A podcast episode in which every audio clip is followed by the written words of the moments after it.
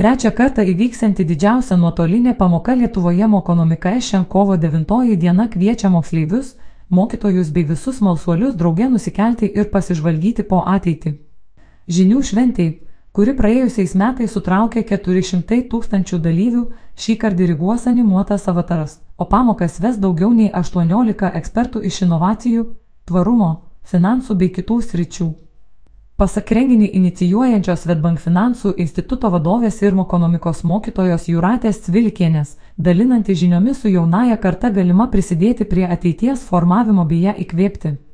Jau tradicinė žinių ir pažinimo švente tapusi ekonomika kiekvienais metais keičiasi ir auga. Prieš metus sakėme, jog žinioms sienos negalioja ir susijungėme su lietuvių bendruomenėmis pasaulyje.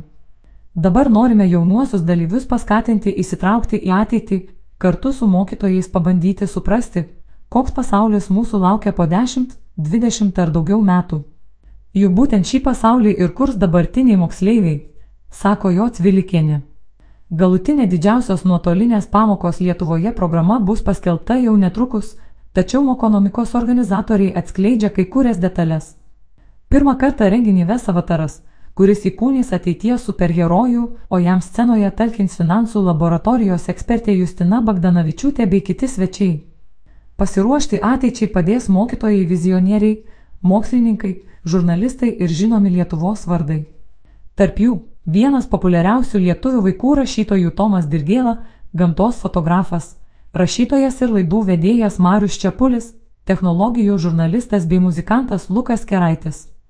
Prie jų jungsis pirmosios vaikų emocinio intelekto lavinimo studijos Lietuvoje įkūrėjos Monika Tindžiulytė ir Laura Levinskaitė, finansinių technologijų ir tvarių inovacijų centro Rotkit.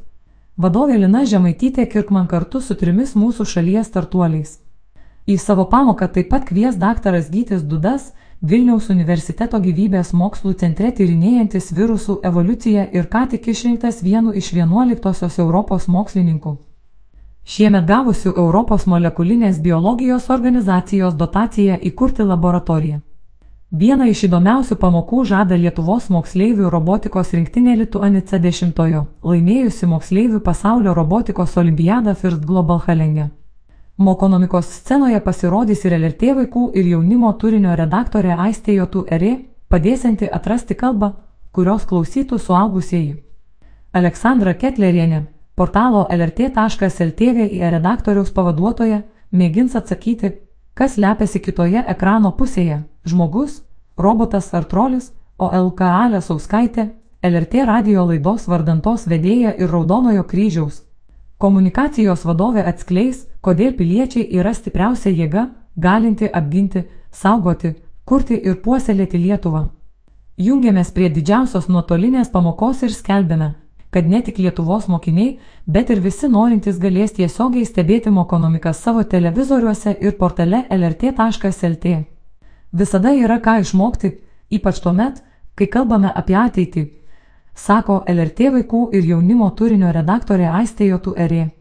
Didžiausia nuotolinė pamoka Lietuvoje apjungia įvairius mokytojus ir pamokas, pritaikytas trims amžiaus grupėms - pirmosios, ketvirtosios, 5, 8 ir 9, 12 klasių mokiniams. Mokonomika gimė 2020-aisiais, kai dėl pandemijos vaikai, jų tėvai ir mokytojai turėjo skubiai pakeisti savo darbo ir mokymosi įpročius.